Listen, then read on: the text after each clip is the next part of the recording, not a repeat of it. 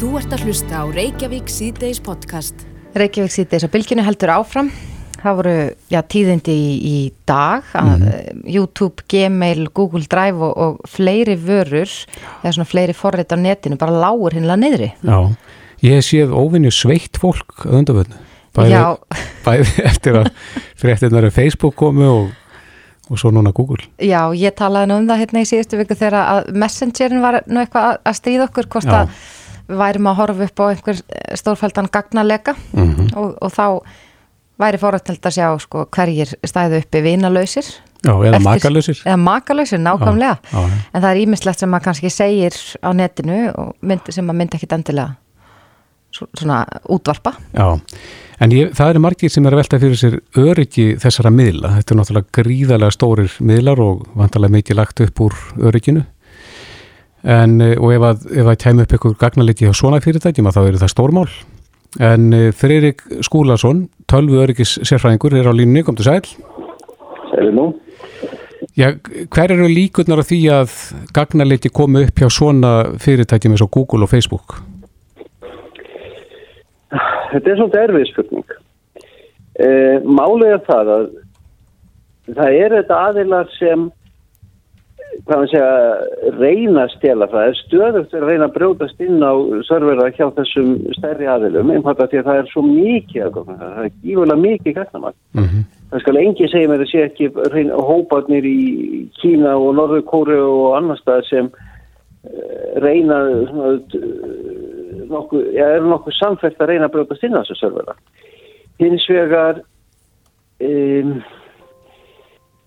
það er á sama á við um, um allt annað. Menna, það, er, það hefur verið brotist inn á spjallrásir hjá bresku helsugæstunni þar sem er komast inn í samskipti millir sjúklinga og lækna. Það er brotist inn í heimabanka það, það, er, það er nokkuð sama hvaða upplýsingar er á fættinni ef það er einhver leið fyrir einhvern annan, einhvern þriðjæðal að gera sér maturum eða gera sér peningurum þá er það má gera ráð fyrir að séu einhver aðal sem reyna að stela sem upplýsingum eða komi, komast inn á það. Í því það er einhvern veginn. Uh, Google hins vegar og Facebook hins vegar, þeir eru hins vegar með öryggi steildir. Mér meina öryggi steildir hjá Google er stærri en flest íslensk fyrirtæki. Já. Og uh, þessi menn vita hvað er að gera. Það er samt búið að vera eitthvað mjög skrítið í gangi hjá Google og öðrum svona síðustu Það er ekki alveg búið að upplýsa um nákvæmlega hvað, hvað er þarna segri eða hvað, hvað skeri. Hvaða kenningar er í gangi um það? Ég veit ekki, ég er nú að horfa hérna á lífrið sem það heitir downdetector.com sem mm. sýnir uh, og vínurindi fyrir Google það er bara flatt, það er bara í núli eh, sem sagt í langu tíma þáka til allt í einu einhver tíman hérna um uh, hádegispil í dag stekkur það upp og sprengir skalan fyrir upp í 50.000 sem sagt það eru uh, uh, á, á þeir mæli hverja þá er það gíurlega hátt. Gæti þetta verið Þetta er niður aftur um sem sagt uh, rétt fyrir tvö og er komið svona ég segi ekki eðrilegt horfa aftur þetta er en, þetta er sko Google er ekki búið að gefa út neitt formlegt uh, svar við því hvað, hvað það er sem gerðist hjá þeim. Gæti þetta verið merki um uh, innbrótstilrun? Þetta gæti verið árás á Google, annarkvort innbrótstilrun eða, eða hérna bara senlega árás tilrun til að taka þá niður. Þetta gæti líka verið einhver bara náðungi á skurgröðu sem hafi klift í sundur óvart nokkru ljósleðara.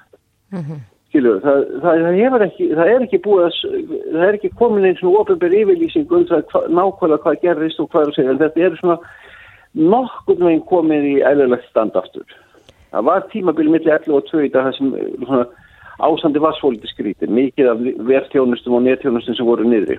Já, en núna hefur sko samskipti fólks hafa breyst ábúrslega mikið á undarförnum árum og, og, og sérstaklega þá kannski með COVID að við erum ekki eins mikið að hitta fólk og notum mikið af þessum spjallforritum til þess að eiga samskipti ég held að margir halda að, að, að maður geti sagt hvað sem er og það mun aldrei neitt komast að því en er eitthvað eitt forrit sem er örugar en annað? Það er svolítið erfitt að svara þessu því að sko vandamálið, nefnilega öryggisvandamálið liggur ekki forriðunum. Öryggisvandamálið liggur vennilega í þessum svona tvífætta hluta sem notar forriðin. Men reyna að brjóta, bara tökum til dæmis eitthvað einfalt, bara samskiptið milli viðkvæma, eh, samskiptið milli sjúklings og læknis. Bara sem dæmi, þú vilt ekki einhverju utan að koma til komast inn í það. Mm -hmm.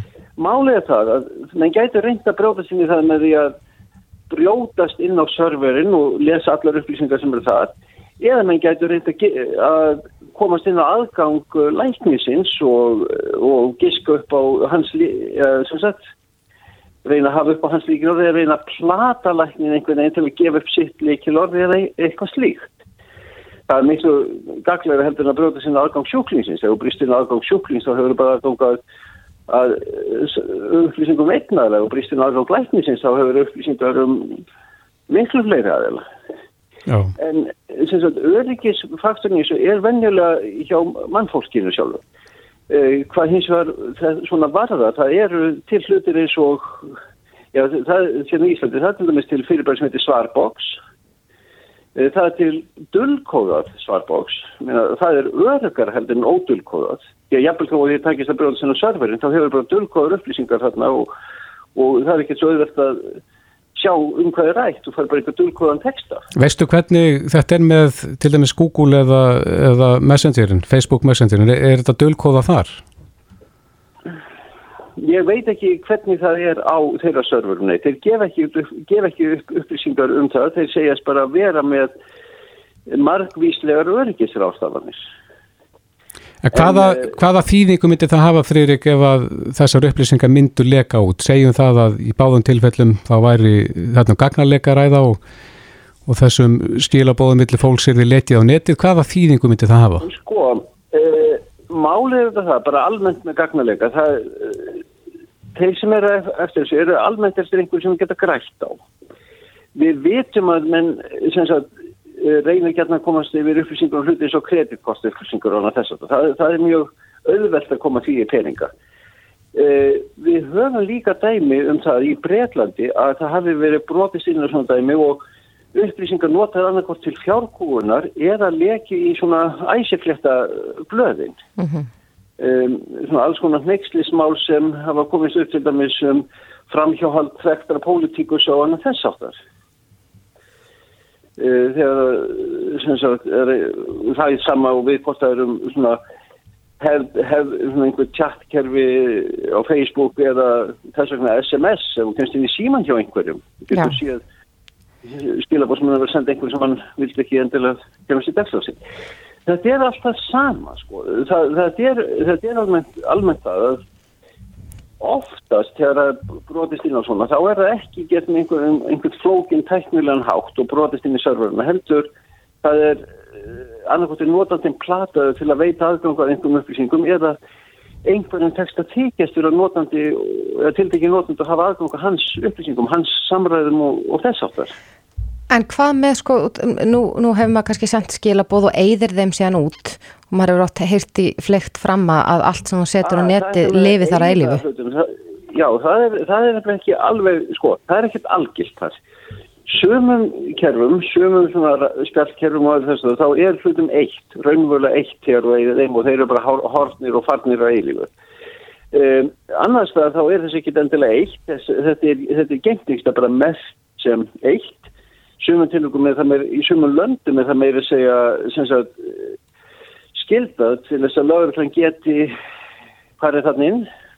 Já, svo er það líka annað sko, til dæmis, þú sendir, bara að senda þú sendir einhverjum SMS eða þú sendir einhverjum message á Facebook og þessu eitt en hvað vistu um einhverju á hínumendum hafi tekið skjámynd af þessum texta eða vistu þetta hjá sér á einhverju?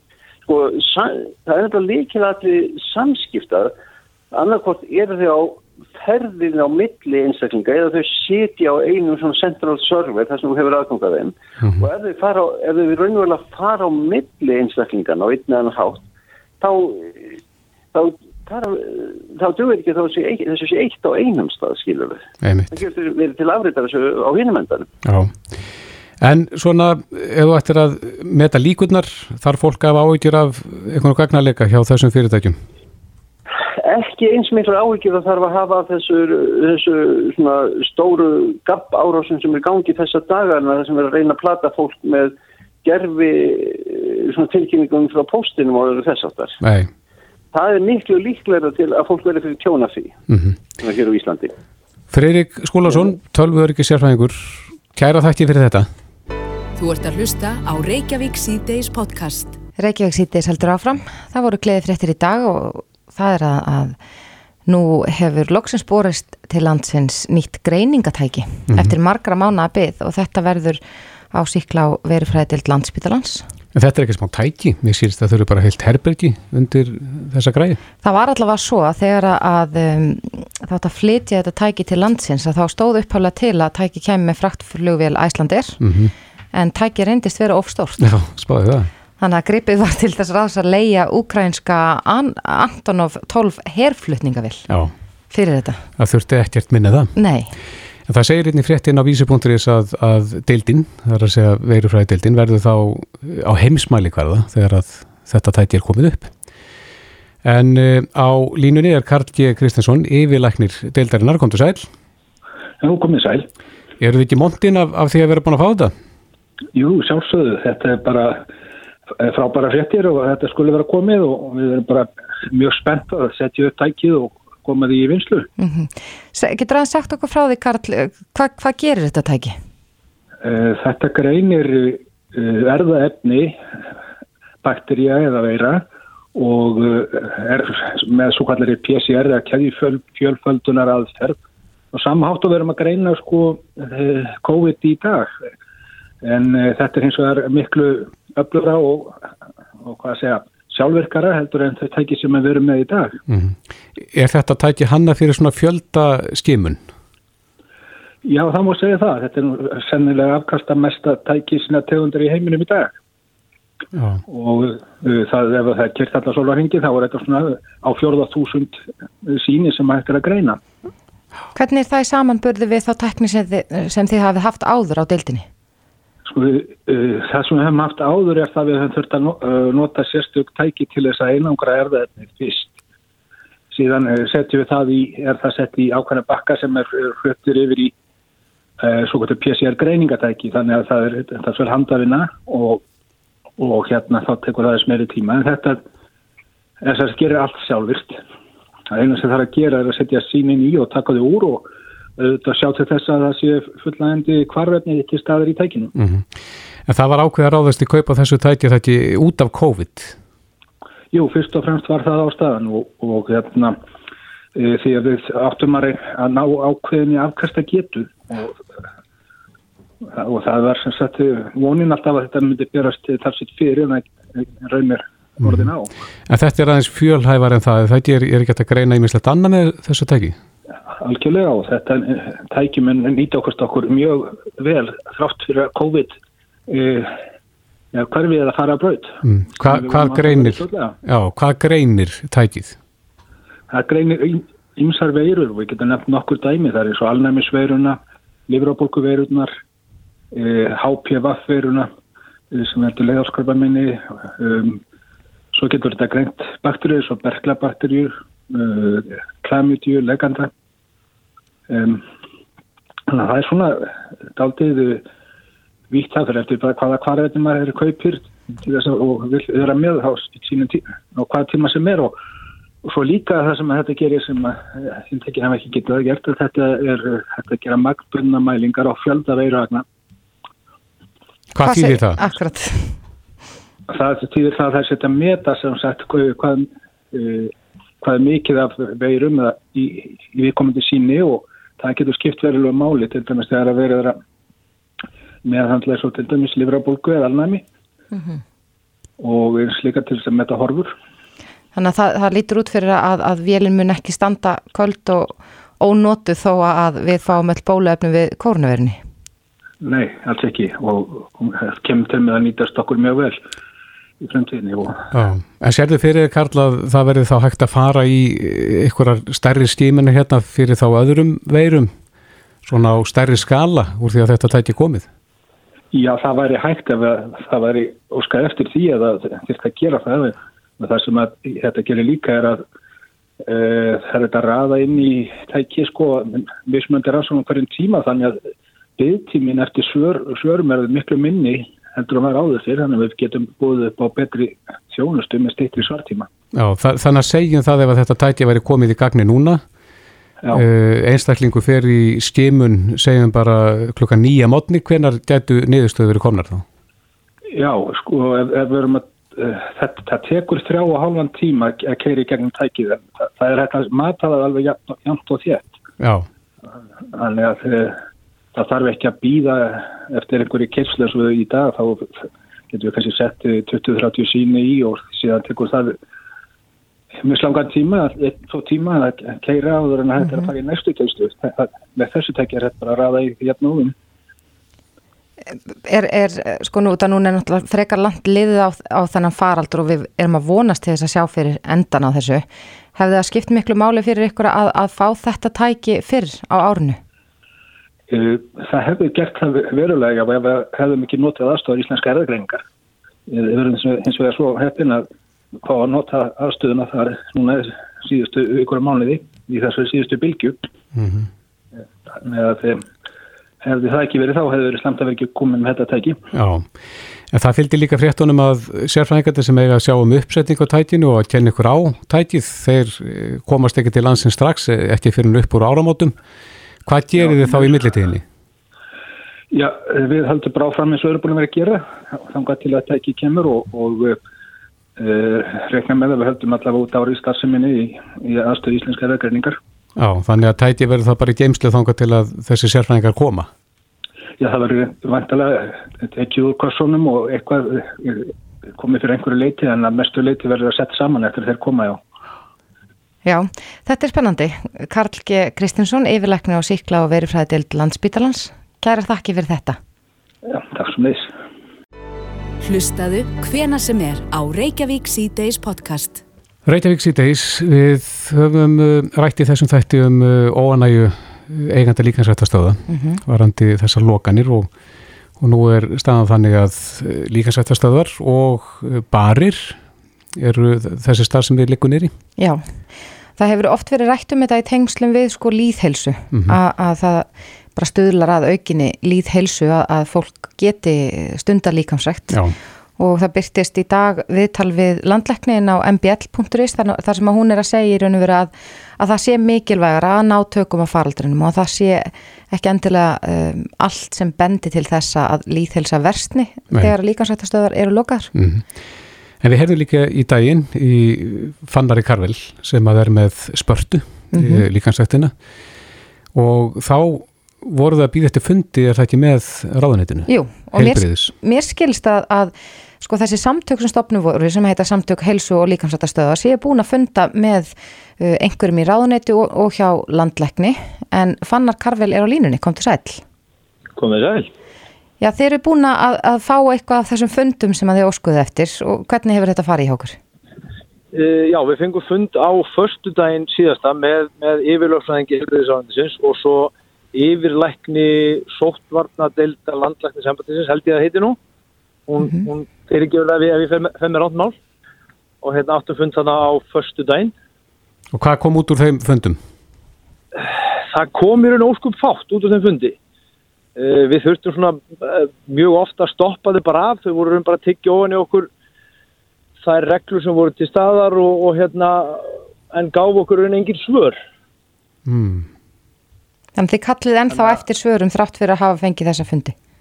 Ég sko þau forðast yfirleitt alltaf, allt sem kemur fram varandi lokanu líkarsætta á heilsurætta forðast alltaf, alltaf svörin sem, a, sem a, við þeim spurningu sem við erum búin að beru sem er raun að þau flokka jú líkarsættir sem, sem háa á höttu svæði og þau gera það ásamt öðrum, öðrum stofnunum, öðrum fyrirtækjum og, rekstiði samfæri leikús og hérna kveikmyndahús og, og veitingastæði og þau segja alltaf, þau ber alltaf fyrir sig einhverjum ákveðnum röngum en svar aldrei spurningunum af hverju eru aðrir háahóttur staðir opnir sem ekki stuðla líðhelsu eins og veitingastæðir og, og leikús en ekki líkansastöðar sem að, jú ég held að allir geti verið sammálum að séu stór partur í líðhelsu.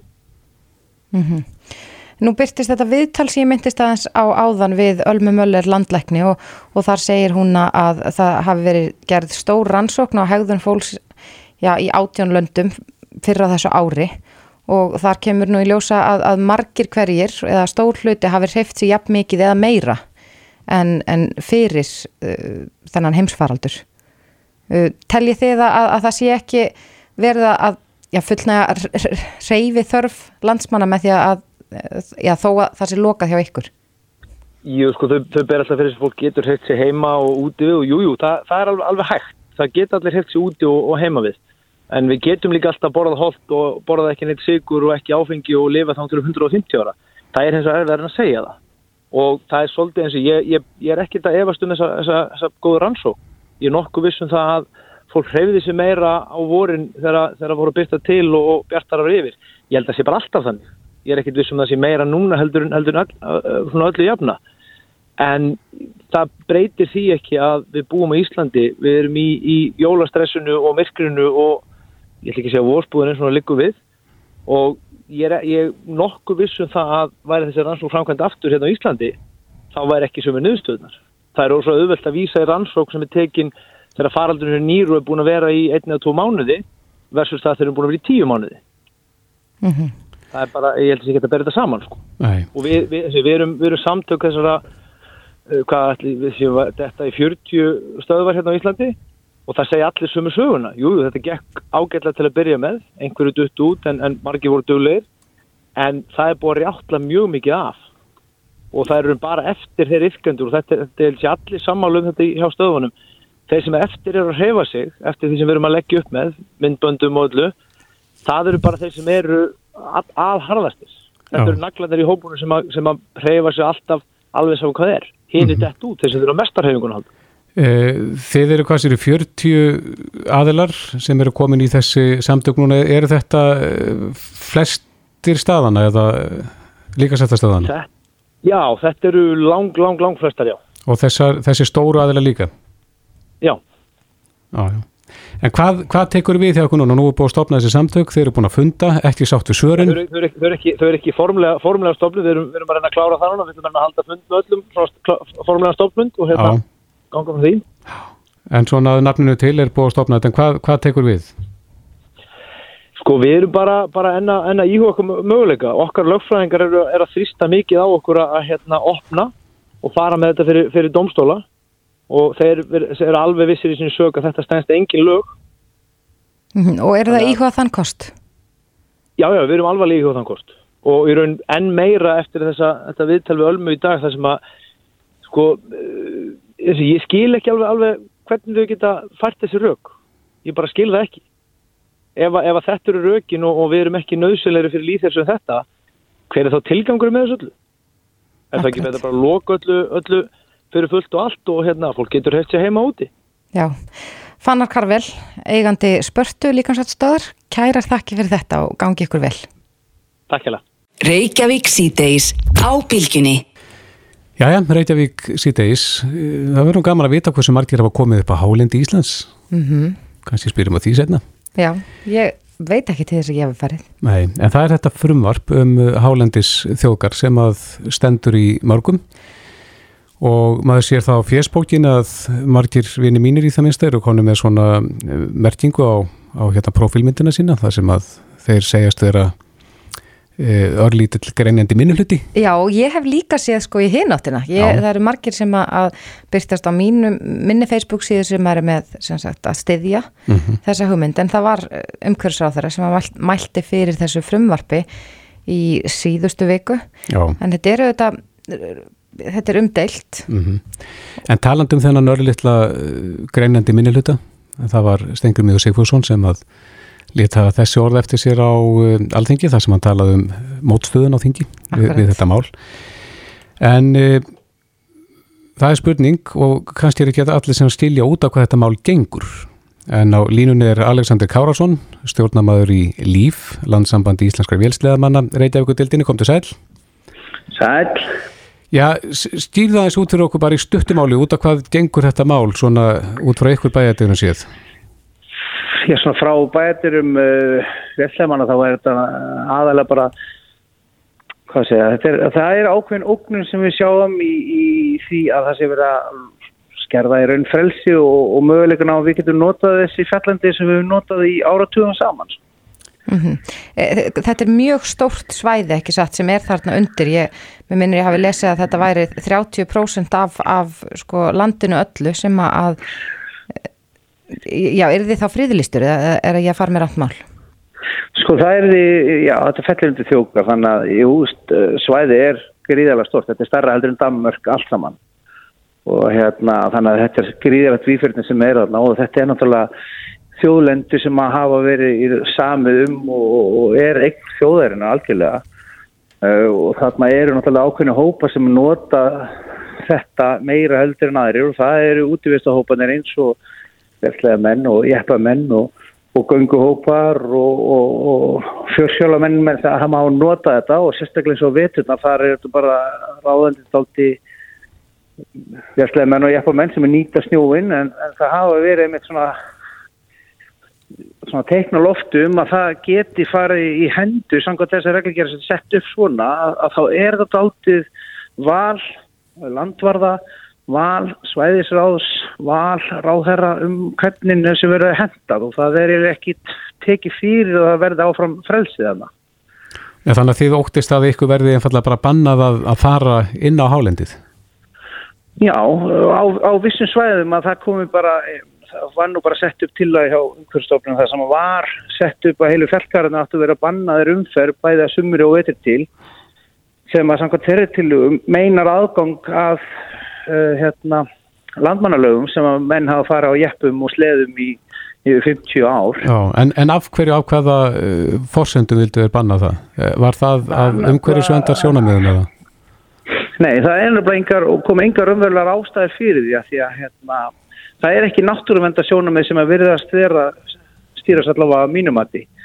Hvað þá? Hérna, Það virðist vera þessi að ná einhverjum stimpilum stóra þjókara og ná hérna einhverjum frið og, og hérna að þetta sé einhvern veginn gert bara fyrir gangandi eða einstaklinga gangandi eða bara verið eini sem að ég upplifa náttúrun okkar í, í frið og ró að hérna það eru annar staðar dæmum eins og við hefum séð í, í Nóri það er bara bannaði velslegar á fjöllum í Nóri og, og normenn er að laumast yfir landamæri til Svíþjóð stundast lega með sko. Og það heilu fjallgarðin líka sem hafa verið settur undir þjókar í bandaríkjum hafa verið lokaðir allir umfyrir það er sér slóðum og, og ára aldagömmlum vextlóð með lokað. Og það er engum góft gert bara vegna þess að landverðir á þeim svæði hafa þetta vald til þess að, að geta gert það, þá er það gert. Og það er bara þannig að fólkið er mísandi eins og það margt. Og margir hafa sína skoðanir og reynslu og telja bara allt, eh, sumt getur bara verið til dæmis hávaði, getur verið mengun fyrir einn landvörð. Eða reyðtjól til dæmis eins og dæmin hafa sínt og þá er það bara allt einu bannað á þessum svæðum. Og það veldur náttúrulega bara mikilli reyði hjá þeim útistahópa sem hafa nýtt þetta um ára tíu. Er mikill hiti í svona fólki í kringum þig út af þessum? Já, það, er, það mála að segja þessi mikið hræðsla bara í raun að því að hérna uh, ef þetta lokast eða fer undir eins og þetta er að þá byggist allt svæði til dæmis uh, segjum bara fyrir norðan þar sem ég er nú alveg upp og búin að vera á sleðum núna í 29 ár frá því að ég voru fyrstu svona veldslega ferðarna með pappa minnum uh -huh. að hérna að þá byggist þetta alltaf því ef ég er að fara á miðanlendi á hvað svæði er undir hvers undir hvaða leikreglum er núna er þessi felkaru þarna, verður hann lokaður af því að veist, landur þarna, finnst bara þetta einhvern veginn skemma upplifun einhver annara og bannar þessa velslegin fyrir bara á þessum felkarum. Þannig að því þú óttist að, að, að, að vélknúin aukutæki verði bara bönnuð með öllu á þessum svæðum? Já, ég meina, lögin segja að hérna, það er ekki hægt að banna kannski axtur ástæðara, en málega er á sumum stöðum sem er búið að fara í mörg ár að það verður meira að það verður loka einhvern ákveðnum leiðum. Og að því það er vald landvarins er að hafa það. Mm. það getur gert það. Og það er vegna það sko að sem við hrættastu við það er ekkert sagt að það er ekki hægt að banna fólki. Þjókaru fyrir held ég flesta er ekkert eitthvað hræðilegt koncept fyrir okkur að hafa. En þessi vald stegi sem er í þessu hann er þátti gerður að, að það er þetta mistúlkan og það lendir misbeita valdinu eftir person. Já, þetta hefur verið í fimm ár í vinslu inn í stjórnaræðinu, þetta, þessar tillögur. Um, efist þið um það að það sé búið að fara nóg vel í sauman á því hvernig þetta verði framkvæmt og annars líkt til þess að já, þóknast sem flestum? Já, ég held að það sé alveg bersinlegt með að við þessu hópa sem eru að standa uppi sem eru náttúrulega já, hvað er þetta að sé?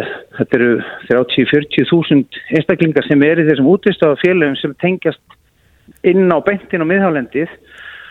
Og það samtal verist enga veginn hafa orðið til og það er með þessu samtöksamút sem hafa líka reynd og, og landsabat íslenska vellamæði hefur komið með fullta til lögum og fleira sem hefur verið sett fram sérstaklega í, í samanbyrju við vörnunum með hjá hverjastofnunum þessu lókun sem átt að vera og, og efnislega hafa við lagt fram mjög góð og sterk ögn en, en ekkit að þeim verist að hafa skína þetta í gegnum um þetta þetta, þetta er bara mikið möguleiki til þess að, að að þetta komi undir einhverju skoðunum einhverju einstaklinga. Já, segðu mér aðeins að því að við nefndum hérna á þessi orð Steingrímsjóð Sigfússonar um hann nörliðla greinandi minniluta.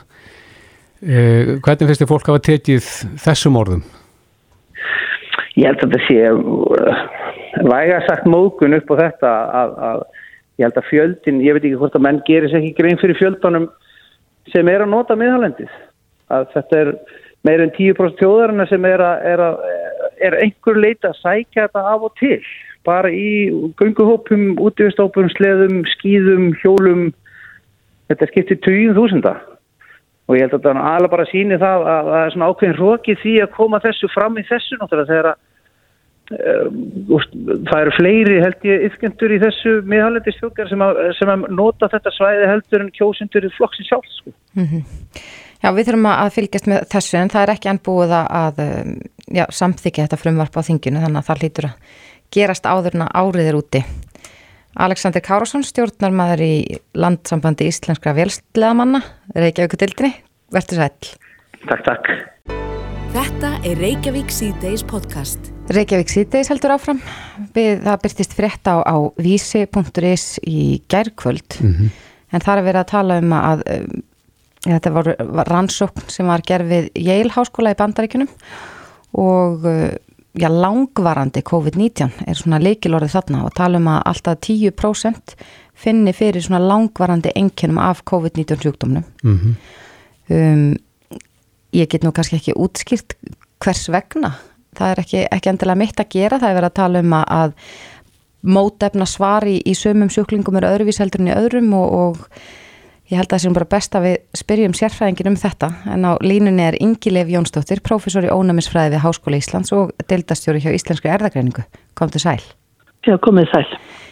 Ég, var, ég get ekki eins og reynda að, að setja þetta í orð sem að byrtist þarna í þessari rannsókn en, en getur þú sagt okkur já, um hvað snýst þetta? Er, er þetta þannig að, að alltaf 10% finni fyrir langvarandi COVID-19 enginum? Já, sko, greinin fjallan og kannski ekki mest um langvarandi eiginni heldur sem sagt um að svimir myndi svo kallið sjálfsmáltefni eh, við í sjúkdómnum og það sé þá sérstaklega fólk sem verður alvarlega veikt og semta því til lengri tíma. En áherslan er við á myndum þessara sjálfsmáltefna sem eru þá skilgrunn sem máltefni sem við myndum en bindast okkar eigin frumum, okkar eigin samendum og svona, kannski bara aðeins til þess að byrja þá ganga mörg okkar um með slík mótefni að þess að hafa nokkur enginni því að mörg svona sjálfsmótefni þó þau getur bundist okkar einn samandu þá er það algjörlega skadlegs. Fyrir ekki, er þetta það sem við heyrum stundum talað um hérna, sjálfsónæmi eða ánæmi? Já, já, sjálfsmótefni að þau eru enginandi fyrir marga sjálfsónæmi sjúkdóma sem að eru skilgjöndi sem, sem sjúkdóma þar sem að ónæmiskerfið ræðst á eigin veði og brýtur þá niður. Og sum af þessum sjálfsmótöfnum eru talið um valdarsjúkdómum eða hafa áhrif á vestnun sjúkdóms uh, en ennur eru klárlega ekki sjúkdómsvaldandi og hafa þess að engin á sig en eru kannski freka merki um sjúkdóminu afleðingarnar af því að það verða verjaskemdir sem að, að völdum ónumiskerfisins og að losnar úr verjanum þá myndast hjá sumum mótöfni gegn þessum okkar eigin samvindum mm -hmm. og það er þess að trekt að í kjálfar ímessa síkinga þá sérst myndin á sjálfsmótöfnum og aukning á sjálfsmótöfnum sem voru fyrir. Þannig það að það komið fram hjá þessum að það fengið COVID er kannski ekkert óviðbúið. Uh, og við vitum líka eins og þeir greina frá í þessari rannsók frá Vang og þessari rannsók að teimi á Yale að þá kemur fram hjá þeim að þeir sem eru alvarlega veikir að þeir séu frekar með þessi sjálfsmótefni. Mm -hmm. Almennt getur við sagt að þeir sem eru mjög alvarlega veikir af COVID að þeir hafa meiri svona ræsing og þessum kallum ósérhæða ónumiskerfi þar sem meiri bólguviðbröð og bólguviðbröðin geta ítt undir framleyslu sjálfsmótefna á sama hátt eins og þau íta líka að þér virðist vera undir mótefni gegn veirunni því að flestir sem eru mjög alvarlega veikir af COVID að þeir hafa herri mótefni heldur þeir sem eru minna veikir. Akkurat, en, en yngilef þýðir þetta sko, erum við með þessi sjálfs mótefni í raun og veru áðurna að, að við komumst í tæri við kórnuverðinu eða smitust að COVID-19? Já, sko það er verið kannski eitt gallin á þessari rannsók. Fyrsta lagi þá er hún ekki mjög stór. Þetta eru 172 COVID-sjúklingar og 22 heldriðstarfsmenn sem er náttúrulega frekar lítið. Mm -hmm. En þeir mæla sem sjálfsmótefni gegn 2700 og eitthvað prótenum. Uh, en það sem að vantar að flestum þessar sjúklingar hafa ekki síni sem eru tekin áður en úr þeim sem þeir hafa síni sem eru tekin áður en fólk veikist að þá eru sömur með þessi mótefni til staðar en þau hækka eftir verðsíklinguna sem að sem að maður getur búist þess vegna við sko. En, en getur maður þá dreyja það álöktun að þeir sem eru með þessi já, sjálfsmótefni í blóðinu fyrir eru þá í, í meiri áhættu þegar kemur að COVID-19?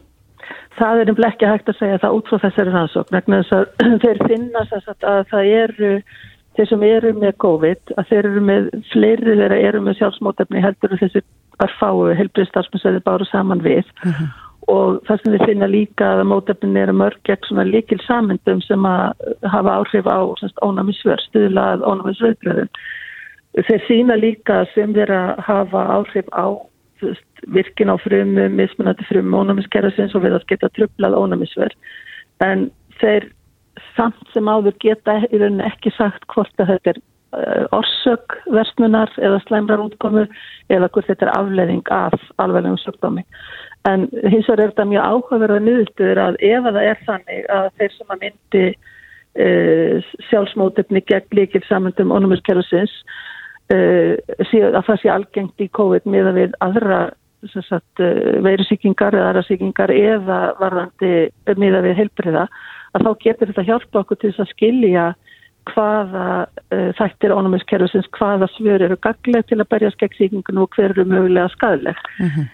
En þessi rannsókn einu sér svara þess að ekki finnst mér og það sem að kannski er enginandi, þeir, þeir segja líka þeir finna engin uh, sjálfsmótefni sem er enginandi fyrir COVID.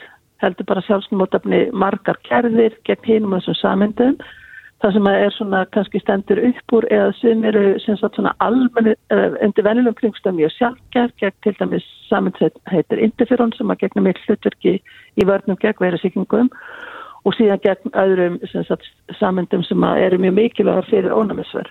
En það er ekki neitt eitt munstur eða neinn einn gerð af mótöfnum eða gegn einhverjum ákveðnum samendum sem að enginni COVID og finnst ekki annars þar. Mm -hmm. Og eh. þetta er heldur ekki eitthvað nýtt, kannski bara segja það. Það byrstist til dæmis í, í Science í lúka oktober, uh, rannsók frá, rannsók þeimir frá Strákafélagstofnunni og einsærumstofnunni í París, það sem að þeir prófa miklu fleiri, þeir prófa tæmlega þúsund sjúklinga og það eru 101 af þeim, semst með eru 10% sem að, uh, eru með þá lífsættilegt COVID, þetta er allt fólk með lífsættilega lúnabólku aðvöldum COVID og um 10% af þeim hafa mótefni gegn þessum interferunum að gerð eitt sem eru leikil samandir í útruma veirum og þar sínduðu fram á að þau mótefni gáttu hindra virk með þessu interferons og skýrt hluta af lífstilum COVID hjá uh, ákveðnum, ákveðnum hópi þeirra sem að fengu alveglega COVID en alls ekki öllum. Er, er þetta verða einn mest rannsakaði vírusin eða veiran í sögunni? Uh, miskusti með við kláðum upp stutt búin að vera til staðar. Þetta er náttúrulega gífilega mikla rannsóknir og margt sem á eftir að koma í ljós og það er mjög, sko, þetta er áhugavert að, og það þarf náttúrulega að skoða þetta. Eru þeir sem að hafa tilhengtis að mynda sjálfsmótöfni í meiri hættu að fara að vera út á sjúkdónum og þetta er eitthvað sem að þarf að hugsa um líka í tengslu við bólusetningar og bara varnir þeirra, þeir eru kannski sérstakur á þetta og það verður ekki komið fram hinga til að þessi ykkur verulega aukinni áhættu ekki eins og til dæmis hjartaðarsjúkdómar, síkusíki, offita og náttúrulega hára aldur en þetta er líka aldurstengti sjúkdómar algengari hjá konum, flestis sjálfsvonum sjúkdómar en segi, þeir eru ekki þarna að skoða sjálfsvonum sjúkdómar, þeir eru bara að skoða þessi sjálfsmótefni sjá mm. meira af þeim ímislegt bendir til að þau geti mögulega verið hluti af menngerðinni, hluti af því að valda slæmusjúkdómi eða verið afleðingi af því að fá slæmasjúkdómi. En Já. það er ótíma bært að segja hvort að þau eru ársakavaldur eða hvort þau eru afleðing en þetta er vissulega eitthvað sem er áhugavert að skoða og verður örgulega gert í meira mæli. Rétt aðeins í lokina því að það hefur nú verið vara við því og Bill Gates gerði það nú á sínum tíma að, að við þurftum að vera miklu meira vakandi kakvart veirum sem að fara á stað.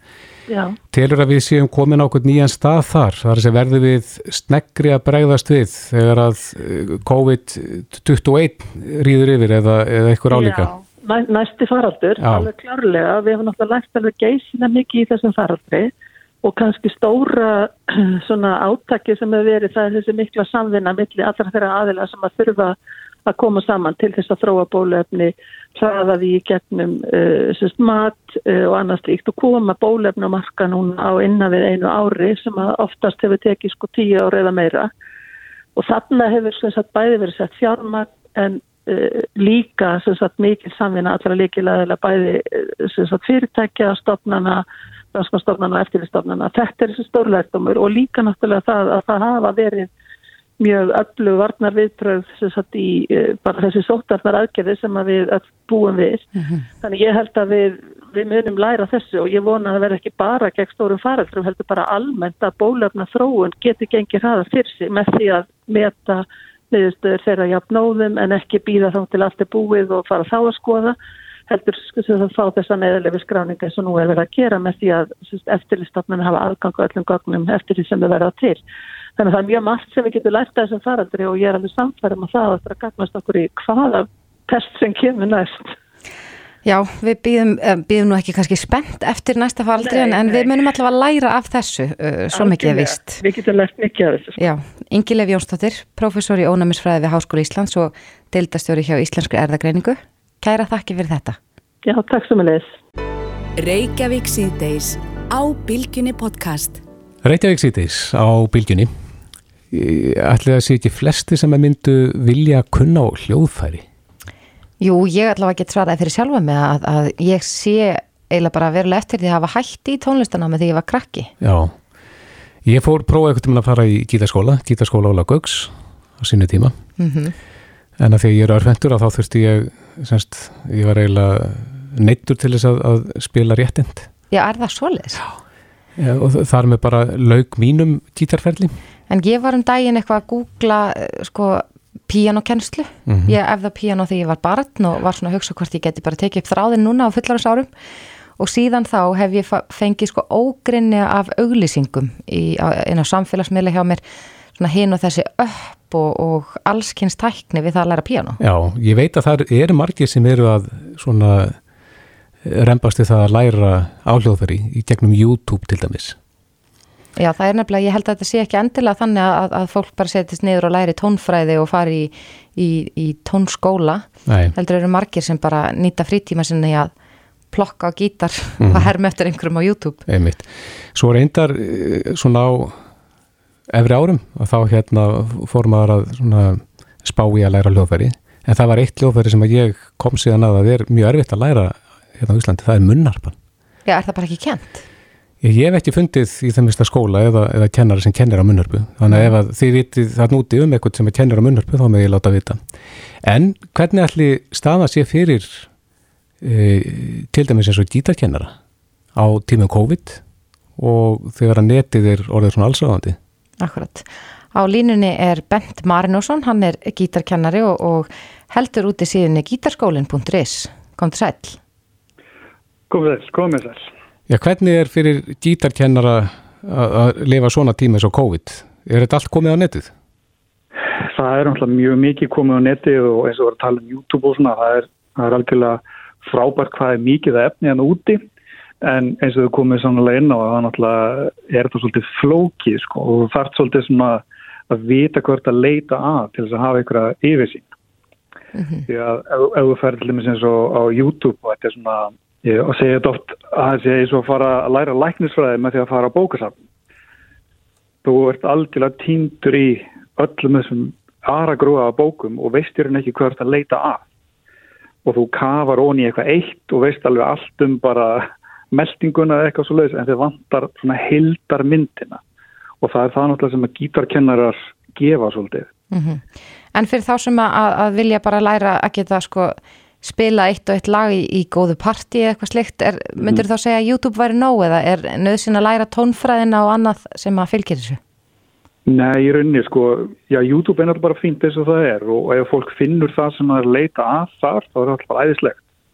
En eins og ég segja, þannig að er þessi grunnur uh, tónfræðin, sko ég, ég kenni vel nefndu þannig að kenna hann bara fyrst að spila og njóta þess að, að spila hljómana að hafa gaman að þessu og svo tengja tónfræðin á því það er alltaf mann því sem þú ert að spila frekarinn að segja, nú ættu að fara að læra tónfræði og það byggir hann á allt sko. en það er um að gera að hafa þetta gaman og, og þannig byggja upp námskeið hjá okkur hérna á gítarskólan.is mm -hmm. En hefur þið heilt um fólk sem hefur náða að læra á hljóðfæri í gegnum YouTube?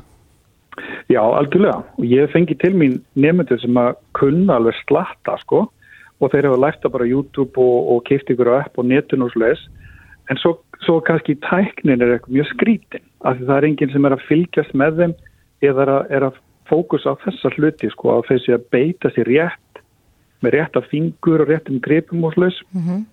þannig að, að þau lenda oft bara í vandræðin og það getur orð, mjög stort vandamál síðan mér ef það er búin að tilenga ránga tækni.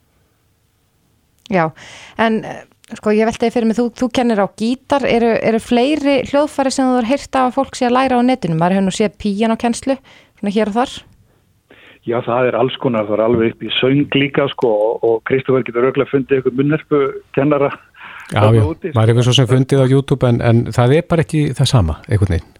Nei, nei, nei, nei, nei, og eins og með söngin og svona og þetta er, það er, sko, með tæknin eins og núna, þú veist, það er svo auðvelt að gera fín vídeo það sem sér mjög nærmyndir af þetta sem það að gera og getur þú komið þessu mjög þægilega fram. Og, og eins og segja, þá mingar heimurinn líka svo mikið að, að þá búir ekki á höfðbrukarsæðin þá hefur aðgang að kennurum, þannig að ég er að kenna, sko, nefnundum vísverðar með landið og í Evrópu, Spáni, Los Angeles veist, Íslendingar út um allan heim. Já. þannig að bara alveg frábært að sjá veist hvað þetta er breytt landslag mm -hmm. Þar maður eiga eitthvað annað en, en bara gítar til þess að fara í gítarnáma netinu? Nei, runni, bara hafa svo einhverja græðu til þess að tengjast netinu síma eða iPad eða, tölvi eða hvað sko Já, hvað er maður lengi að læra á gítar í gegnum netinu? Sko eins og ég byggjit upp þá er þetta 16 vikur sem að fara bara svona rólega gegn og, og byggja bara alveg frá grunnunum og svo bara smá og smá og smá þannig að þetta eru þessi grunngrip, þessi partigrip sem við erum að tala um eru svona 17 stykki eitthvað sluðis og það fari yfir allt þetta og, og þessi tækni líka sko er svo mikilvæg. Hvernig á að grípa þá eða? Já, já, akkurat. Og svo er það skemmtilegt að hérna núna náttúrulega er jólin og það og, og hérna við ákveðum að henda bara í ókipist tíma sem eru á netinu, á Facebook live, þannig að stökka svolítið og nýta okkur tæknina sko. Og, og það verður gaman að fólk myndi kíkja þánga líka. Það er á bara gítarskólin.is á Facebook. Já, þetta er spennandi. Eh, Bent Marinósson eh, gítarkennari hjá gítarskólin.is Kæra þakki fyrir þetta. Takk hjá það fyrir, eða góðan dag. Reykjavík síðdeis á Bilginni podcast. Reykjavík síðdeis, við hefum nú heyrt það að bæði spilin, borðspilin, mm -hmm. þau seljast eins og heitarlumur, þannig að þetta verða spilajól, en þetta verða líka bókajól. Já, ég, við heyrðum um daginn að þetta eruðu, væri bara önnur stærstu bókajól frá upphafið eitthvað slíkt Já.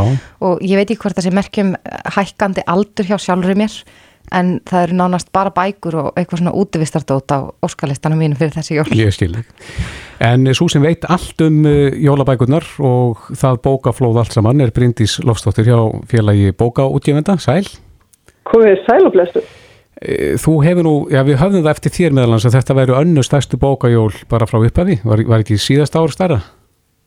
Uh, sko, það er kannski fullt nefnd að segja, segja að fullir það alveg, kannski, ég stundur svolítið fullir enga glöð en, en hérna við vitum auðvitað ekki hvernig salan enda sem slík en, en þetta er stærsta, stærsta í útgáðu, jú, Já. það er alveg rétt þetta er gríðilega stórt útgáfa ár og, og ég var einmitt að fara yfir það hérna í, í fyrir dag að árið 1990 sem er nú bara fyrir 30 ára síðan að þá voru að koma út bara rétt um 20 uh, og innan við 20 frumútgefin íslensk skaldverk. Já.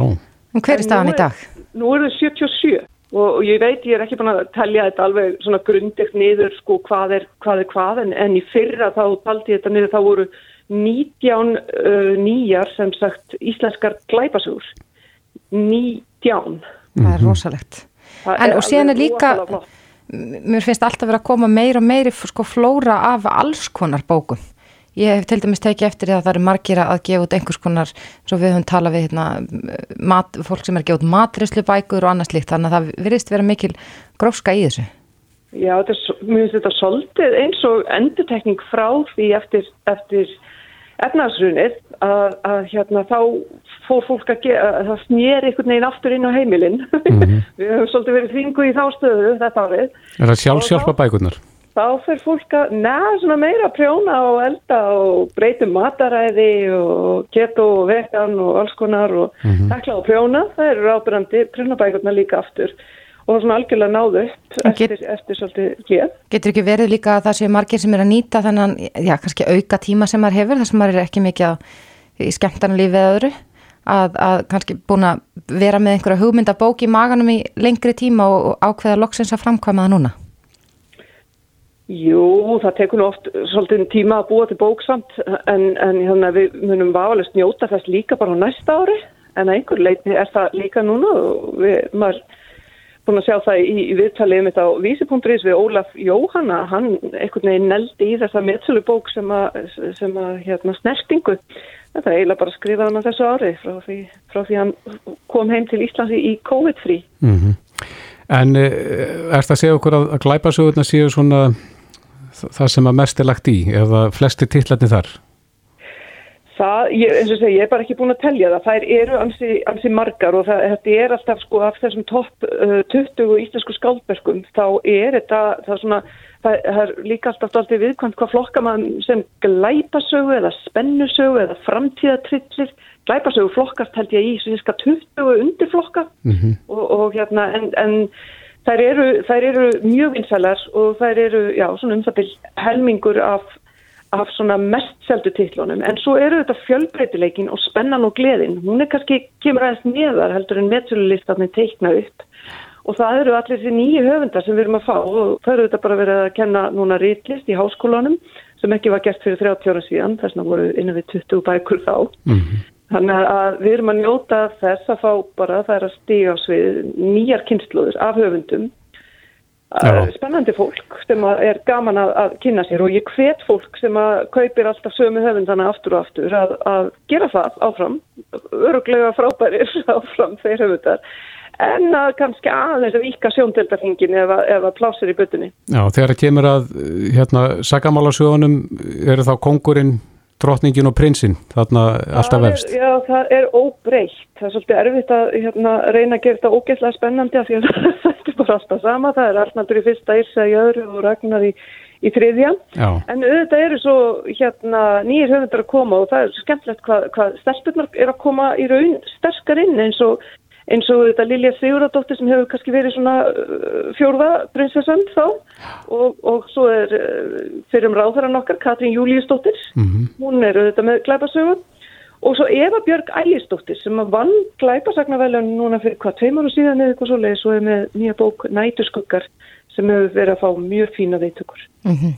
En hafið þið fengið eitthvað verið af því hvernig salan eh, byrjar eða hvernig henni fleitir áfram? Já, sal, salan fer opbóðslega vel af stað, svo vel að við erum svona kannski, ég kannski fætti að segja, fullir það eitthvað, en, en við vorum að sjá sko í november um það byrjum 30% aukningu á sölu, þar sem við vitum ekki í, fyrir vístir hins vegar hvort að þessi sala sé að fólk sé að, að kaupa fyrr jólagjafirnar eða hvort að hér séum að ræða aukningu en sannlega er þetta nú bara svona sambland hvort ekki. Mm -hmm. En svona áður við sleppið þér Bryndis, uh, Sputnik bókin, það er nú alltaf einst lík. Já og það er, maður er alltaf að leita eftir nýjum nöfnum og, eitthvað svona óvænt og það hlýtur þessi jól tvímanlust að vera, vera Solborg Guðbrandsdóttir sem er með bókina Fávitar, þar sem hún svarar einsum spurningum um kynneið og kynlíf og allskinn sem við kemur ungu fólki og ég held að við hinn hefði líka gott að því að kíkja í. Mjög forveitnileg bók, svolítið svona, kannski, eh, já, ekki alveg fyrir viðkvæma en, en samt ymmit fyrir viðkvæma, fyrir alla. Já, mér skilst, ég allavega ég er að fylgja á samfélagsmiðlum, mér skilst að bókin sé bara nánast uppseld allstaðar. Bókin er uppselt og er að koma önnur plöntun í þessari viku. Já, frábært. Eh, Hún, ég held hún sé að koma bara núna í vikulokk. Uh, Það er sama má segja um bók Gíslarúnas, það er alltaf gaman þegar að ljóðabæku sprengja öllmörk. Hún, hún er í raun að seljast og hefur verið að seljast í þannig upplægi að hún, hún væri inn á topp 10 á skaldverkalistanum með hún færi þangað inn sko. Og ótrúlega fallegur gripur, ekki bara, bara hérna, limrurnar að Gíslarúnas heldur bara hönnunin á bókinni er alveg afskaplega sérstök hveit fólk til að kíkja í þá bók. Hún er að koma úr prentun í þessari viku líka aftur og það er ekkit, ekkit algengt og vissulega gerist það að ljóðabækur fari í aðra eða þriðu prentun. Já, en Loftsdóttir. Við, við veifum gíslarúnari og, og brósum. Ekki Já, við gerum það. Bryndís Loftsdóttir hjá félagi bókaútgefanda. Kæra þakki fyrir þetta. Takk að ykkur. Reykjavík síðdeis á Bilginni podcast.